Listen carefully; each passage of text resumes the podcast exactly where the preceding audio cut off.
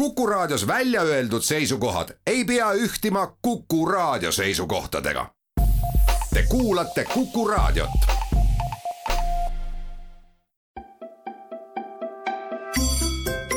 haridusmõte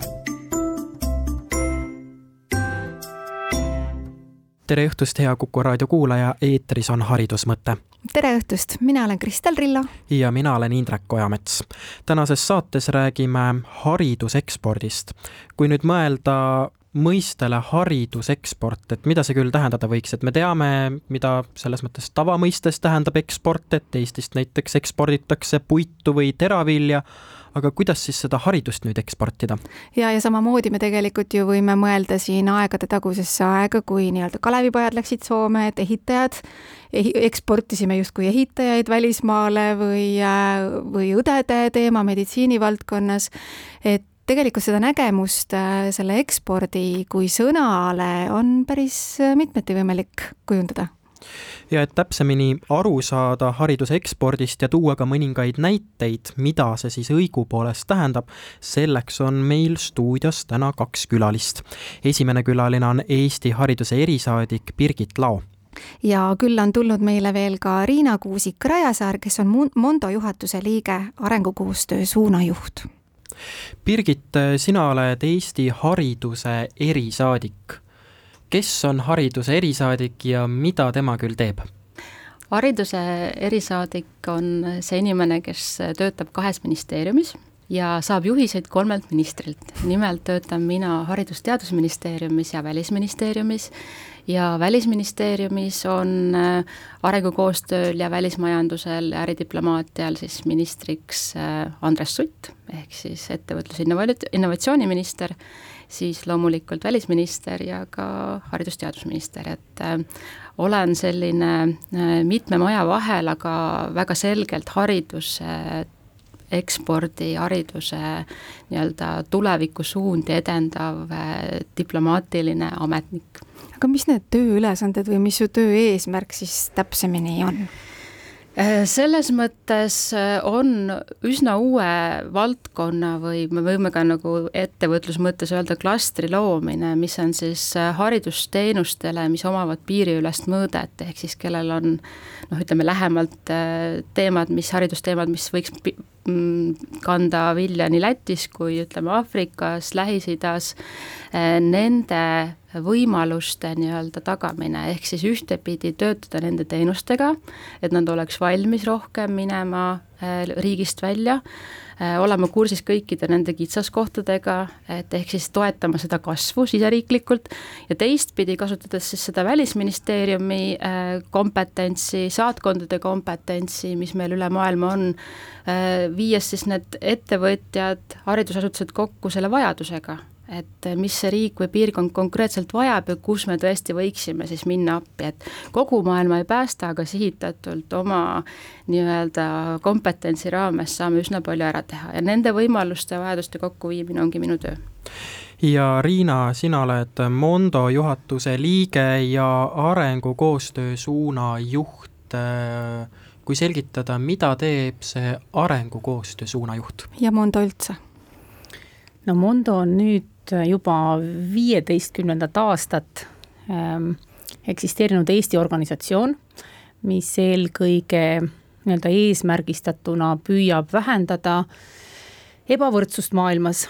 ja me teeme seda läbi siis arengukoostöö maailma hariduse ja humanitaarabi praegusel hetkel kaheteistkümnes erinevas riigis ja Eestis. Eestis siis ähm, töötame koos noortega, koolinoortega, õpetajatega, koolivõrgustikuga, et nii-öelda kasvatada maailma kodanikke ja, ja anda ka praktilisi selliseid võimalusi Eesti inimestele seda ebavõrdsust leevendada. aga, aga suunatult väljaspoole siis üheteistkümnes erinevas riigis püüame siis läbi hariduse, tervise, tervishoiu, keskkonna ja digipädevuste siis suurendada neid võimalusi inimestele, et nad oleksid tervemad, haritumad ja, ja oma toi- ja saada oma nii-öelda eluga paremini ise toime nii et ja arengukoostöö noh, sisuliselt tähendabki seda, et erinevates siis kas kogukonna tasandil või siis kohaliku omavalitsuse tasandil ja Eesti riigi kontekstis siis riikidevahelised, vahelises suhtluses ähm, tehakse koostööd. Ja ei ole nii, nagu veel kümme, kakskümmend aastat tagasi või ütleme laiemalt nii-öelda Euroopa kontekstis, et keegi annab abi ja keegi võtab abi vastu, et selles mõttes ka arenguabi kui selline termin on ikkagi väga selgelt noh, nii-öelda kaotanud ka oma sisu, et see arengukoostöö just eelkõige sellises partnerluses annab ikkagi võimaluse nii, nii mõlemapoolselt või mitmepoolselt siis seda koostööd edendada ja sellel ühisel eesmärgil ja see eesmärk sisuliselt noh, nii-öelda rahvusvahelises kontekstis on needsamad ähm, globaalsed kestliku arengu eesmärgid, mida siis nii Mondo kui ka Eesti mida, mida Birgit siin selgitas, just püüab siis saavutada täna me räägime haridusekspordist,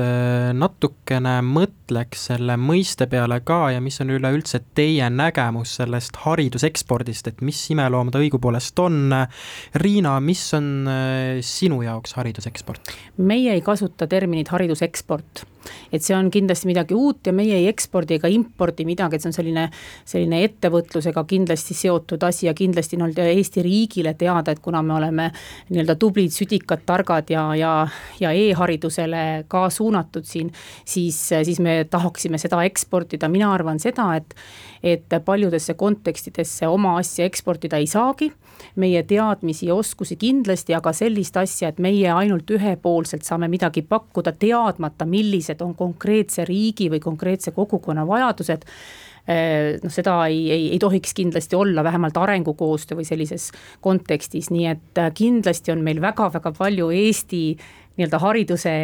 mõttes edasi anda, aga seda tuleb vaadata, ütleme, mina oma mätta otsast või Mondo mätta otsast alati vaatan seda, et millised on need vajadused, mis siis saaksid nii-öelda rahuldatud või, või kaetud selle ekspordi näol, mida meil siis pakkuda on.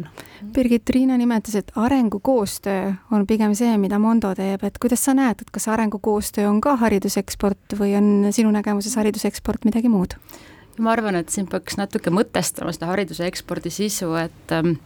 mina kitsendan ka seda enda jaoks, täpselt nagu Riina ütles, et kogu haridust ei saa eksportida, see on selge. et ei ole sellist riiki, kuhu saab kõike Eestis toimuvat üle kanda. mida saab eksportida, on teenus ja kui see hariduse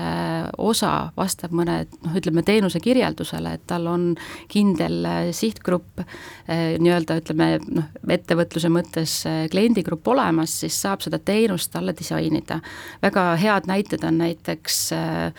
koolitusprogrammid, kõiksugused äh, täienduskoolitused, õpetajakoolitused, kõik see, kus meil on näiteks kas välistudeng, me lähme väljapoole riiki kedagi koolitama, me lähme konsultatsiooniteenust pakkuma või ka näiteks äh, haridustehnoloogia ettevõtetele uut nii-öelda kliendigruppi, uut turgu võitma, et selles mõttes on see hästi arusaadav. ja, ja see nišš nii-öelda haridusteenuste ekspordist on selge. teine on see, mida Riina mainis, et, et ütleme, haridusteenuste ekspordi fookusesse võiks ka minna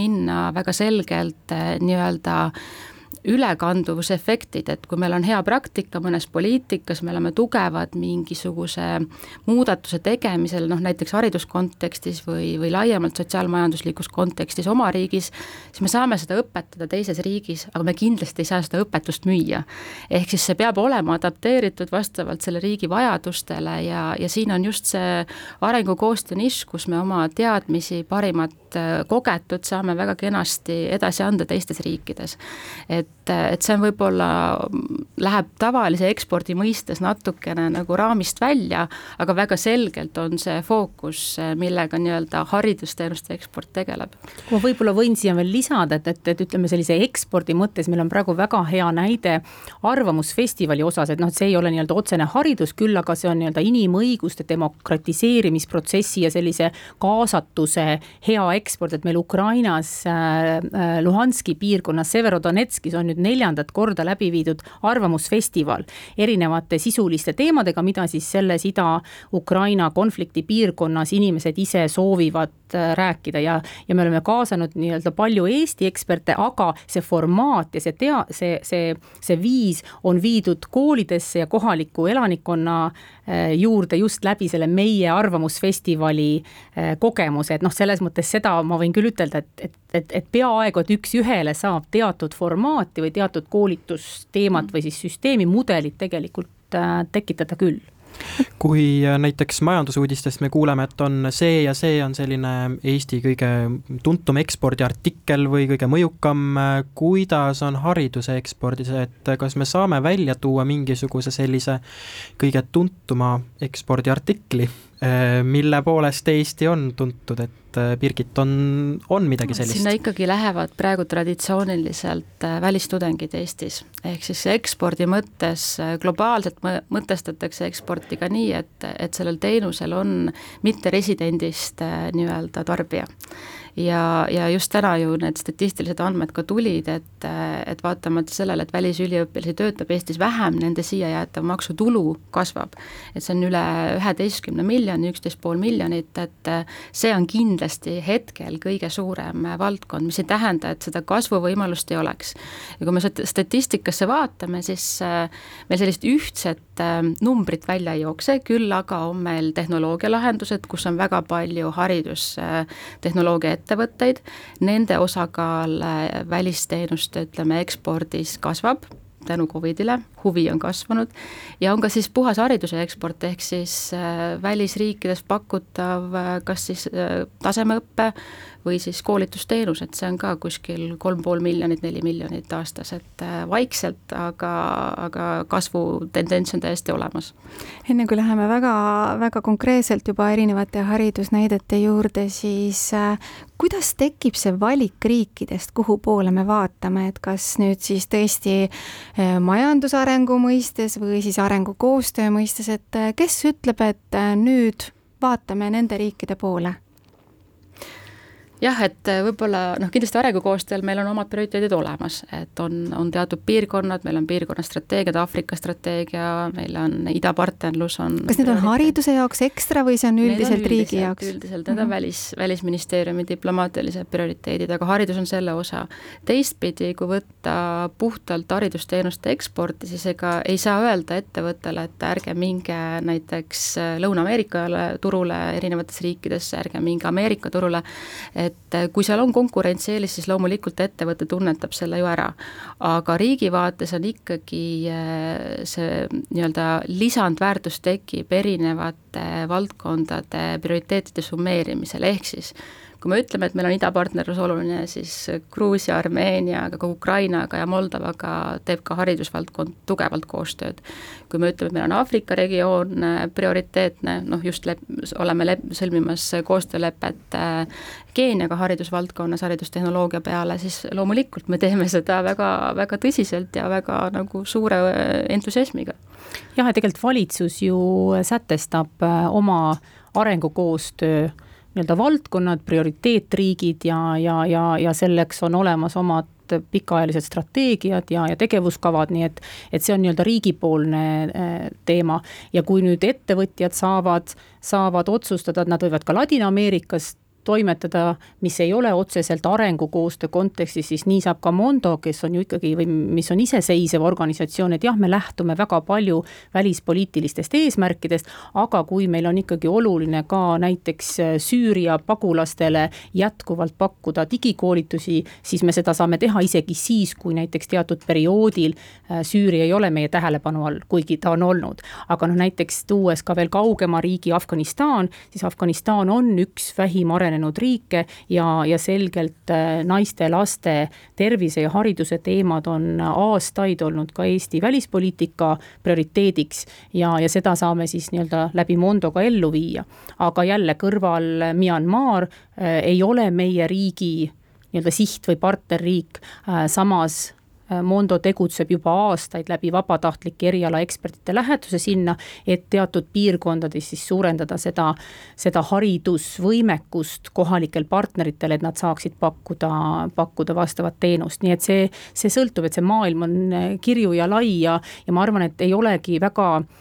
õige, et me võtame, nii-öelda Eesti võtabki ainult ühe riigi, ühe valdkonna ja ainult selles suunas tegutseb, et kunagi enne vanasti, eh, kümme aastat tagasi mõeldi, et kuidas me neid sihtriike siis nüüd ikkagi ka arengukoostöös paika paneme, et otsustame nüüd seda Aafrikat, et kas keerame lihtsalt gloobust ja paneme näpu kusagile peale. et selles mõttes on hästi hea, et eelmise aasta alguses ka Aafrika nii-öelda regionaalstrateegia tuli ja mingisuguse loogika järgi ikkagi fookus seati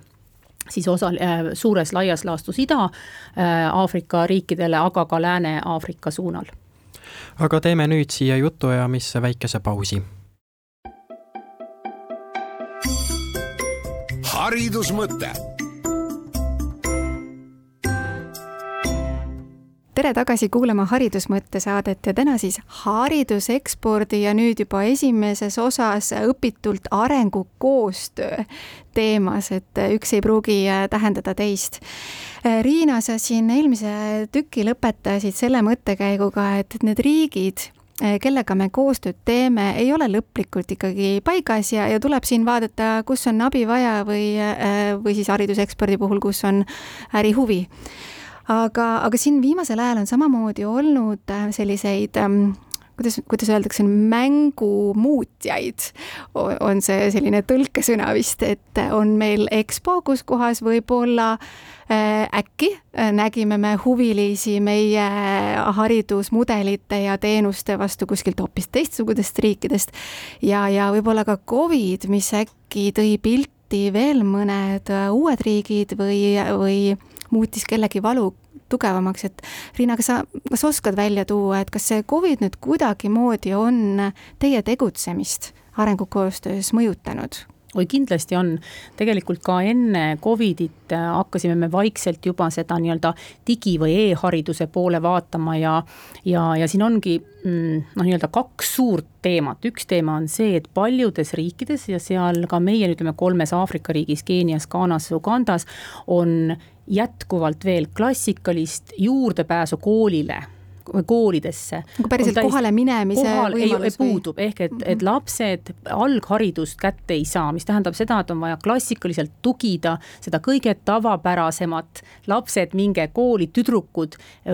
võimalusel nii pikalt kui võimalik lõpetage vähemalt põhikool, keskkool, see on üks suund. teine on see, et on suur hulk noori inimesi, noori aafriklasi, kellel puudub võimalus tööhõiveks ja teada on, no näiteks Keenia kontekstis Eh, pärast keskkooli ilma igasuguse oskusteta, näiteks digioskusteta ei ole võimalik kusagile nii-öelda ka tööle saada. mis tähendab seda, et, et ähm, juba ütleme nüüd neljandat aastat me väga suunatult oleme loonud digipädevusprogrammi selleks, et keskkooli järgselt noored saaksid oskused, teadmised tööhõive suurendamiseks. ja, ja, ja selles kontekstis ongi meil nagu nii-öelda läinud see haridussuund kahte, äh, kus me toetame klassikalist nii-öelda kooli koolis käimist ja noorematele suunatud ja ka naistele suunatud digipädevuste öö, öö, programme siis pakume. ja on siis eri, eraldi sellised kontekstid nagu näiteks Afganistan, kus on vaja koolitada eriala inimesi, näiteks ämmaemandaid ja me teeme siis seda läbi pikaajalise e-õppe mida me oleme teinud juba ka eelnevatel nii-öelda Covidi eelsel ajal. aga Covid sisuliselt on jah tekitanud selle olukorra, kus noh, näiteks Ugandas läheb sellel aastal nüüd just avati uuesti koolid pärast eh, mitut aastat noh, nii-öelda kahte aastat kinniolekut ja lähevad kooli kolme kolme,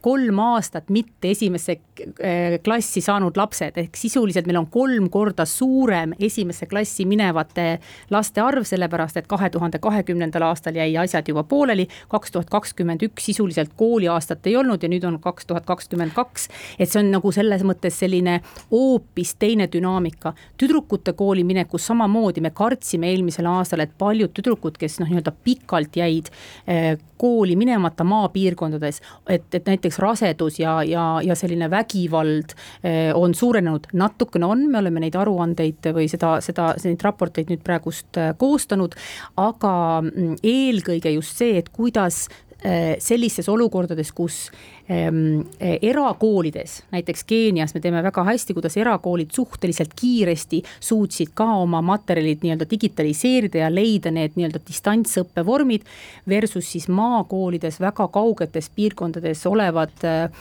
koolid, kus tegelikult, kui sa ikkagi koolist ära jäid, siis reaalselt mingisugust koolitööd ei töö, ei toimunudki. ja vot me nüüd püüamegi nagu selle kahe sellises olukorra vahel leida need võimalikud viisid, et jätkata ikkagi klassikalist kooliharidust haridust ja saada siis äh, nii-öelda selle ka digi- ja e-hariduse formaadis, mida me nüüd ka oleme pikalt juurutanud erinevates riikides, siis tõsta noorte tööhõive võimalusi. kolm. et ähm, nii-öelda mitu, mhm. et, et, et jälle tulles tagasi päris esimese mõtte juurde, vajaduspõhiselt on vaja, vaja kindlasti tegutseda, et seda, seda me peame noh, nii-öelda väga tähelepanelikult mõtlema, et lihtsalt ei ekspordi, vaid vajaduspõhiselt teeme otsuseid kolm aastajärku koos alustavad ühes haridustasemes, see tähendab seda automaatselt on surve ka järgmistes hari-, haridustasemetes. see on hullumeelsus, see on hullumeelsus, kuidas see peaks tegema, Keenias praegu peaks ähm, algama kooliaasta, aga eelmine kooliaasta jätkub veel kaks-kolm kuud edasi, alles mais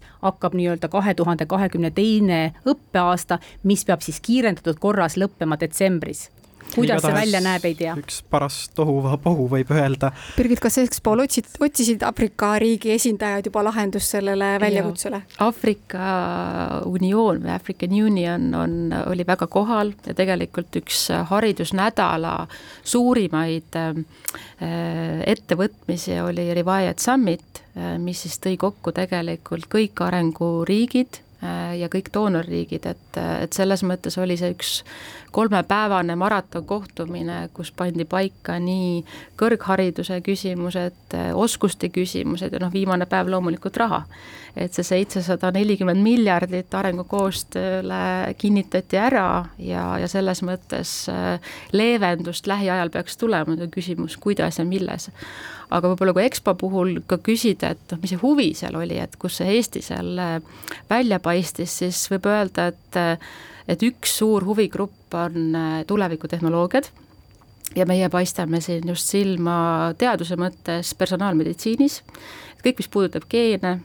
geenitehnoloogiat, äh, andmeid, millega võimalik äh, inimese nii-öelda tervet elatud aastaid äh, ennustada või anda sellele lisandväärtust infoga, see väga huvitab, Eesti on siin teinud väga suuri samme ja, ja meie Tartu Ülikool ja geenivaramu inimestel oli tegelikult käed-jalad tööd täis, et väga, väga suur huvi oli selle vastu. Teistpidi ka kõik need lahendused, mis kasutavad ka siis natuke suuremal-vähemal määral tehisintellekti, teevad diagnostilist hindamist taustal, et nende vastu on huvi, meil ei ole alati lahendusi, aga meil on mõtteid ja me saame olla nagu enda panusega koostööprojektides täiesti võrdväärselt kohal ja võib-olla kolmas, mis mulle ka endale hästi huvi pakkus, oli see, et näha, kuidas siis selline valmis haridustehnoloogiline erasektori teenus tegelikult vajadusest tulenevalt teeb sammu tagasi. et näiteks e-kool et me kõik teame lapsevanematena, et, et see on väga vajalik ja, ja tänuväärne eh, nii-öelda vahend, eriti distantsõppel, kus vanemad ja õpilased saavad jälgida siis, mis siis on koolis toimumas, mis on õppimis, mis on õppimine, vastamine, see seis, aga kuidas sa e-kooli rakendad olukorras, kus sul ei ole mobiilse internetisideme võimalust, on ju. Ja, ja väga lihtsalt eh, õppekohustused, eh, kodused ülesanded edastatakse SMS-i teel aga Eestis kunagi sellist lahendust ju noh, piloteerida ei saa, sest SMS me oleme SMS-i teel vanema telefoni. eeldab telefoni olemasolu. Ja see eeldab telefoni olema, telefoni olemasolu ilmselt ei ole nagu nii suur probleem, kui see pidev internetiühendus, et teha neid online tunde. aga kui on vaja, siis saab ka teistmoodi, on võimalik eh, e-kooli lahendada läbi raadio, läbi telefoni, et selles mõttes eh, ettevõtjad kuulates eh, nii-öelda vanemate, õpetajate, koolide, õpilaste vajadust, saavad tegelikult äh, teha lahendusi ja siin on selle Eesti väikse tehnoloogiaettevõtte võlu, et äh, tegelikult oleme me selline rätsepa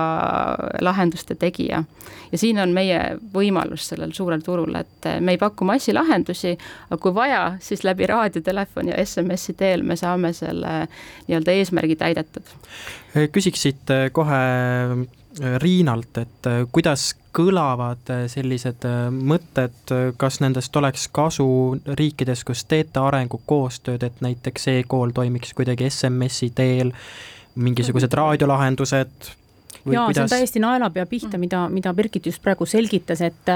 et noh, ma näen väga ohtu selles, kui me võtame äh, Äh, näiteks teatud platvormi või haridusmudeli e, e-haridusmudeli ja püüame seda siis pakkuda Keeniasse ja, ja, või Ugandasse, et me näeme seda, et siis näiteks erakoolid või ütleme, kui me, nii kui me vaatame seda läbi turuprisma mm., et keegi peab ühel hetkel seda, seda, seda teenust maksma mm, -hmm. siis me ei tee arengukoostööd, siis me suurendame seda, seda e, digilõhet ja seda hariduslõhet, me tekitame era- ja riiklike koolide, maapiirkondade piirkondade ja linnakoolide vahel suurenema lõhe ja seda kindlasti ei tohi, tohi, tohi juhtuda. aga ma näen just täpselt seda, kui, kui sinna tekivad võimalused juurde, kui e-koolil on need noh, nii-öelda valmisolek töötada ka selles sektoris, mis ei ole tegelikult nii-öelda äh, kütkestav turusektor, vaid just need näiteks pagulas kontekstis, need kaugema maapiirkondade, ma ei tea, õpetajate äh, kolledžid, kes tegelikult juurdepääsu sellistele teadmisele ka läbi riikliku struktuuri saavad väga vähe. Uganda, Keenia praegu meil väga head näited või näiteks noored Dandora, Kibera slummis Nairobis või siis Kakuma pagulaslaagris laagris sealsamas Sudaani ähm, piiri ääres, kui me suudame sinna suunata selliseid lahendusi, mida Birgit selgitas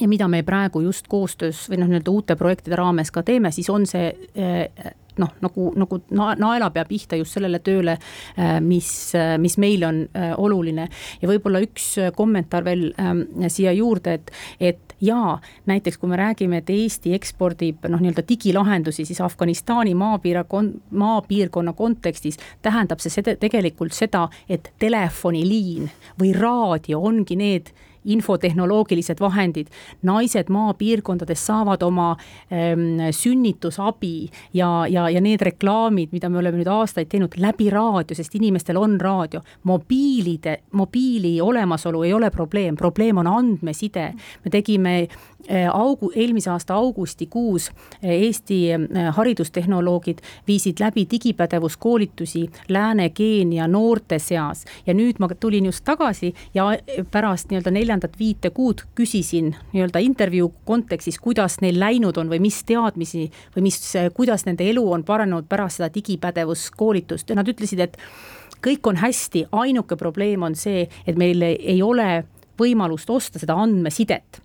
et kõik muud teadmised on olemas äh, internetist, kuidas võib-olla äri alustada ja nii edasi, aga puudub see andmeside, ehk et teatud kontekstis on infrastruktuur veel alles järgi tulemas selleks, et me saaksime pakkuda teatud asju ja Eesti nutikuse ja ka nende nii-öelda teadmiste pinnal saab leida kas siis SMS-i äh, vahendusel, telefoni, muul lihtsustatud versioonides ikkagi pakkuda sedasama, sama teenust, nii et ma näen hästi palju potentsiaali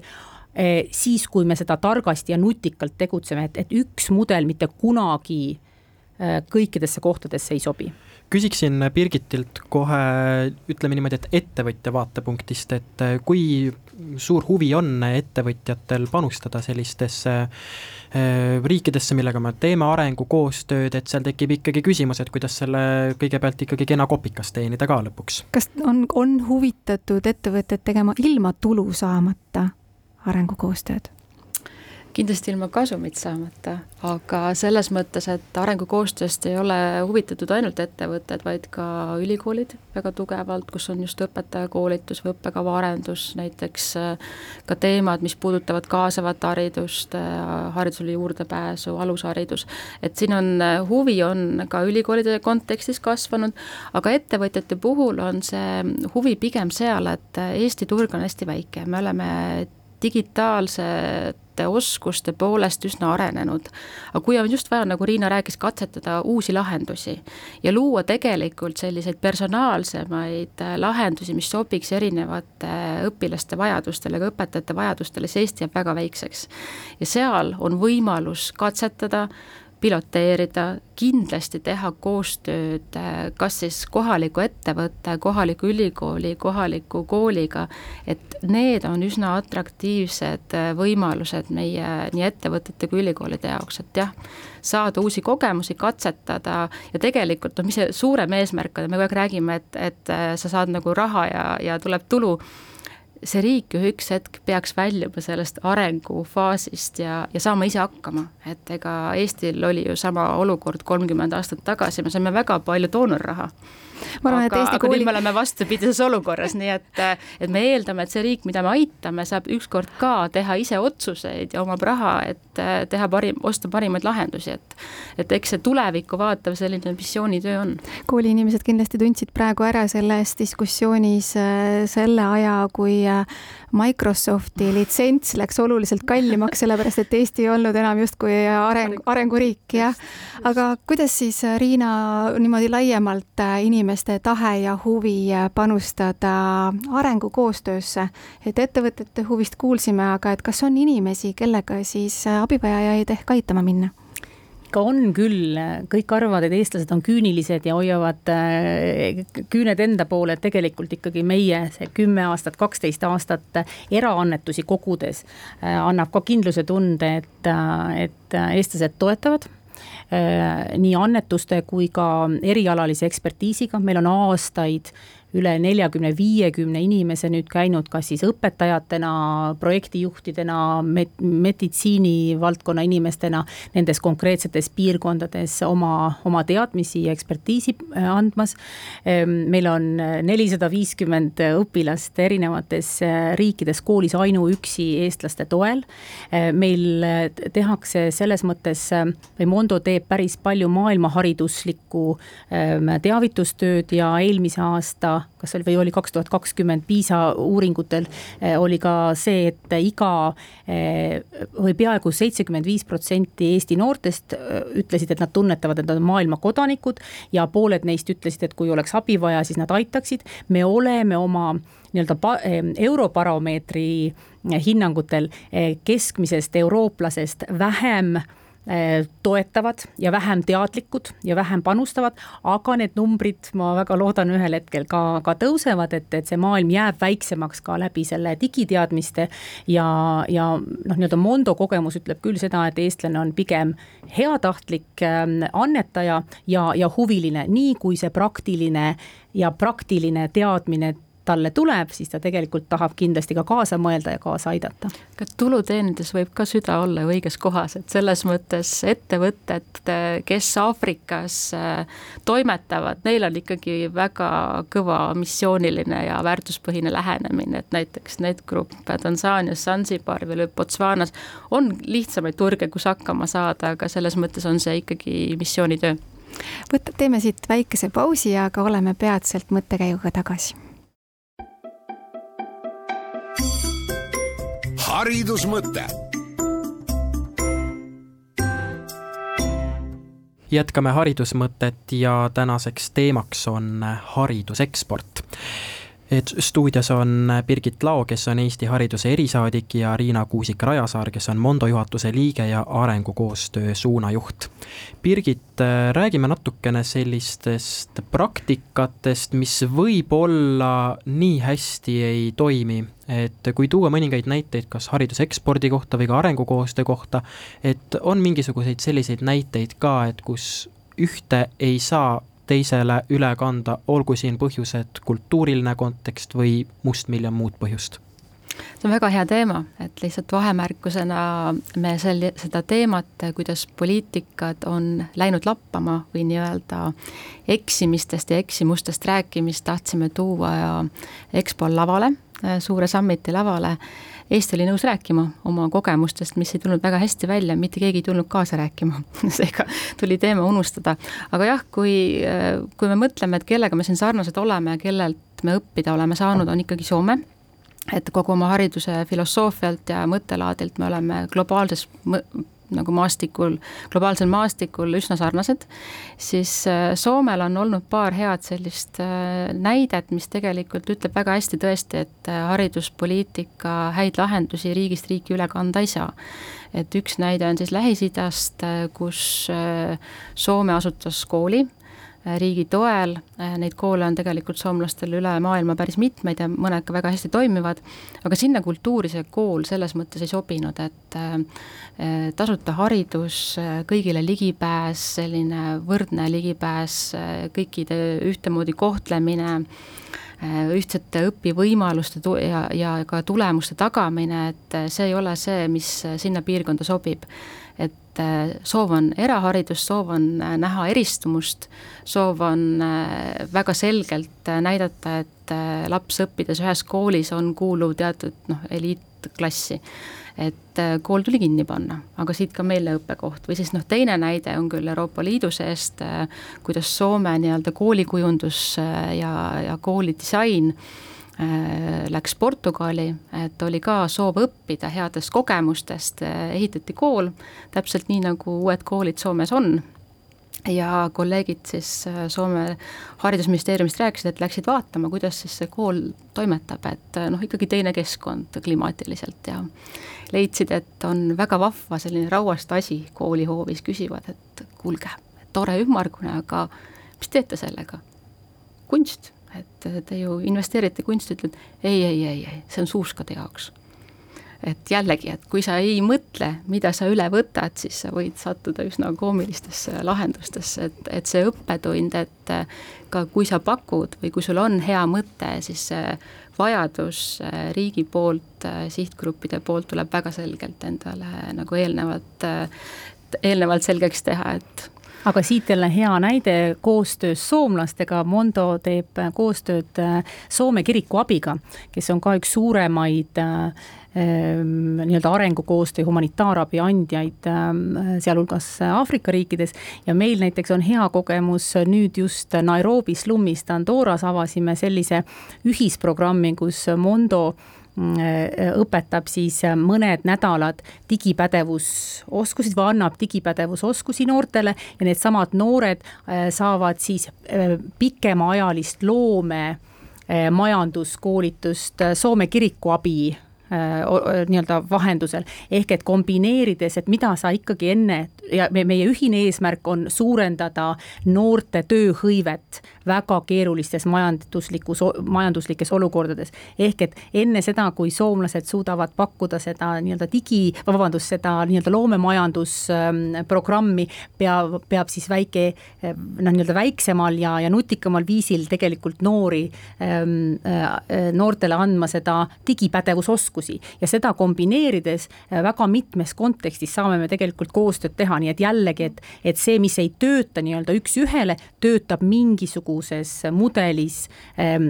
tähelepanelikult läbi mõeldes. et, et neid nii-öelda ähm, ebaõnnestunud näiteid on päris, päris palju, aga see ongi see tarkus, mis ei ole noh, nii-öelda ei eestlastele omane või mitteomane, vaid me peamegi nii-öelda hariduslahendustes või siis teistes lahendustes leidmagi selle vajaduste ja, ja oma panuse noh, kõige parema kombinatsiooni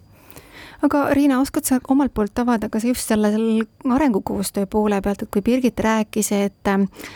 Lähis-Idas äh, lapsevanemad võib-olla ootavad sellist elitaarsust sellistelt uutelt äh, mudelitelt või, või lähenemistelt kooli kontekstis. mida Aafrika riigid ootavad, lapsevanemad, mis ootus on neile koolile, kas lapsele parem elu kas äh, hea töökoht, mis, mis seal no, toimub? see on ikkagi nii, et ega, ega me kõik oleme emad või isad ja me tahame oma lastele parimat. et, et ma ei tahaks ütelda seda, et, et, et nii-öelda Keenia lapsevanem tahab midagi teistmoodi kui Eesti lapsevanem oma, oma lapsele, ikka parimat, aga nende võimaluste raames, mis seal on. ja, ja ma arvan seda, et, et, et Nairobis või suurlinnade kontekst äh, äh, erineb samamoodi märkimisväärselt sellest maapiirkondadest nagu siingi, et, et tõenäoliselt Tallinnas on suuremad võimalused kui kuskil väga väikeses maapiirkondades, kuigi meie see ebavõrdsus ei saa üldse, seda ei saa üldse võrrelda, ütleme sellises Aafrika suurlinna ja maapiirkonna öö, võrdluses, mis tähendab seda, et kõige baasim lapsevanemad, ka need kirjaoskamatud naised. Keenias ei ole kohanud, Ghanas, meie Põhja-Ghanas on paljud meie toimetulekuprogrammides osalenud naised ise kirjaoskamatud, mis sest, et nad mobiilis oskavad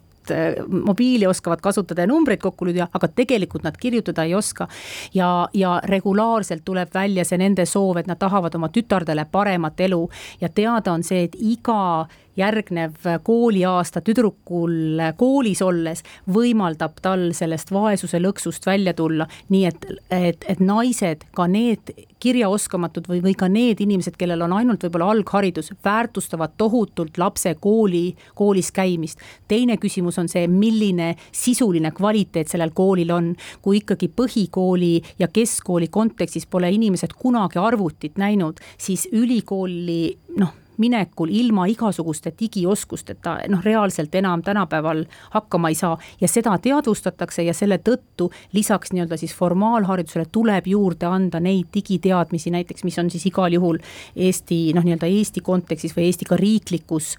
haridusekspordis väga-väga oluline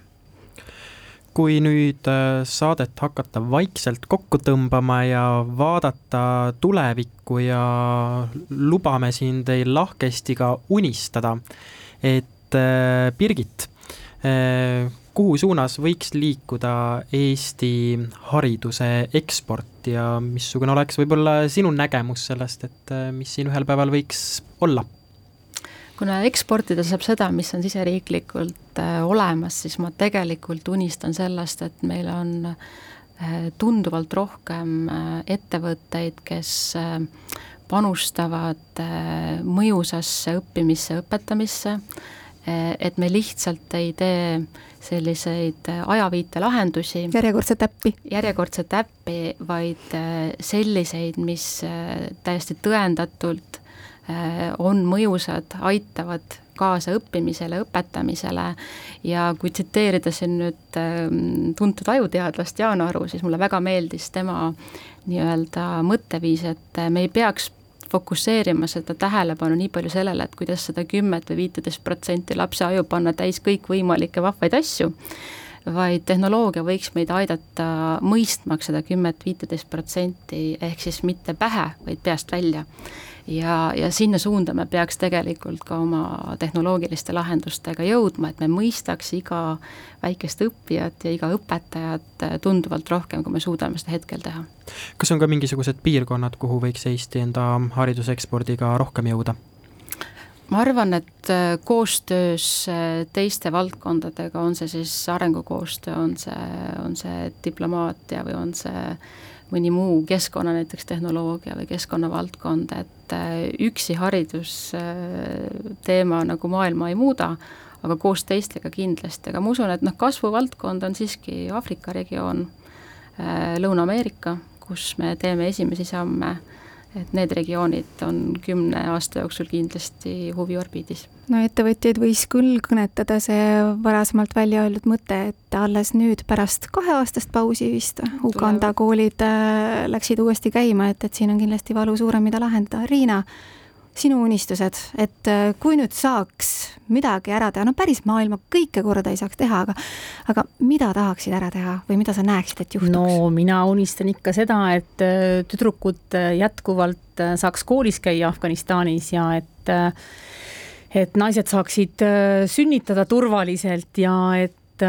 kool ei jääks pooleli ainuüksi selle tõttu, et et äh, ei ole nii-öelda rahalisi vahendeid või võimalust koolivormi soetada, et see on selline väga baas ja väga noh, nii-öelda inimlik ja inimväärikusele põhinev soov, et, et olenemata, kuhu sa sündinud oled, äh, naisena, tüdrukuna või ka poisina, et et, et võimalused väga nii-öelda inimväärikalt oma elu elada, mille,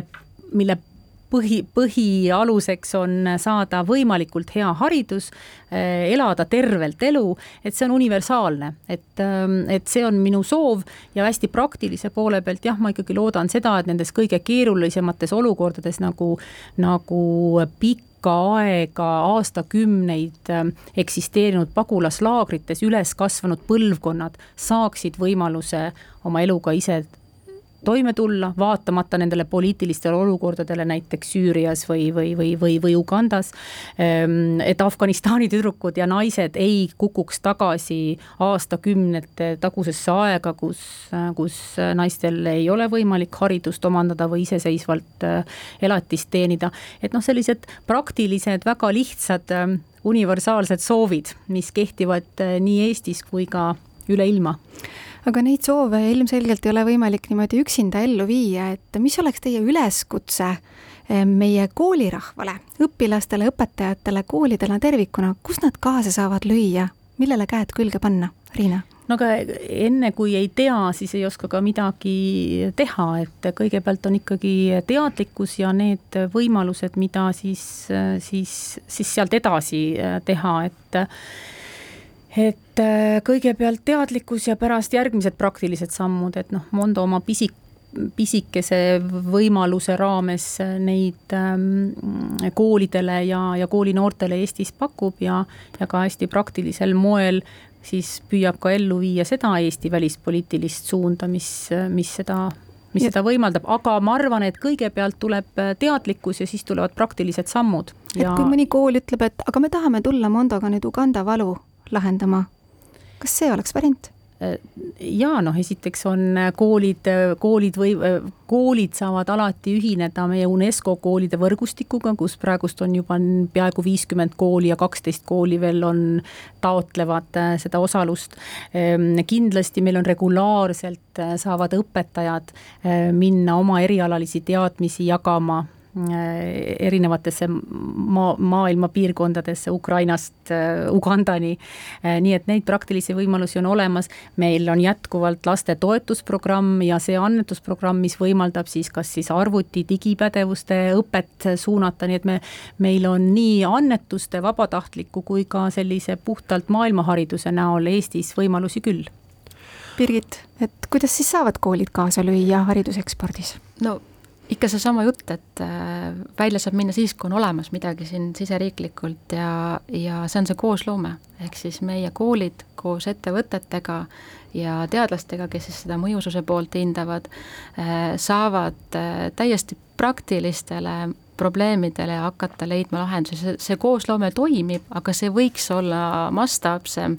ja need valukohad, eriti praeguses Covidi aegses õppes, võiks olla selgemini äh, välja toodud, mille, millistele probleemidele siis me siseriiklikult lahendusi leiame aga suur aitäh teile külla tulemast, külas oli Eesti hariduse erisaadik Birgit Lao ja Mondo juhatuse liige ning arengukoostöö suunajuht Riina Kuusik-Rajasaar. kes tahab äh, kõlanud saadet järele kuulata, saab seda teha Kuku raadio veebist ning ka erinevatelt podcastide platvormidelt. Aga meie soovime teile, head kuulajad, kena õhtu jätku ja kuulmiseni. Kuulmiseni uuel nädalal haridusmõte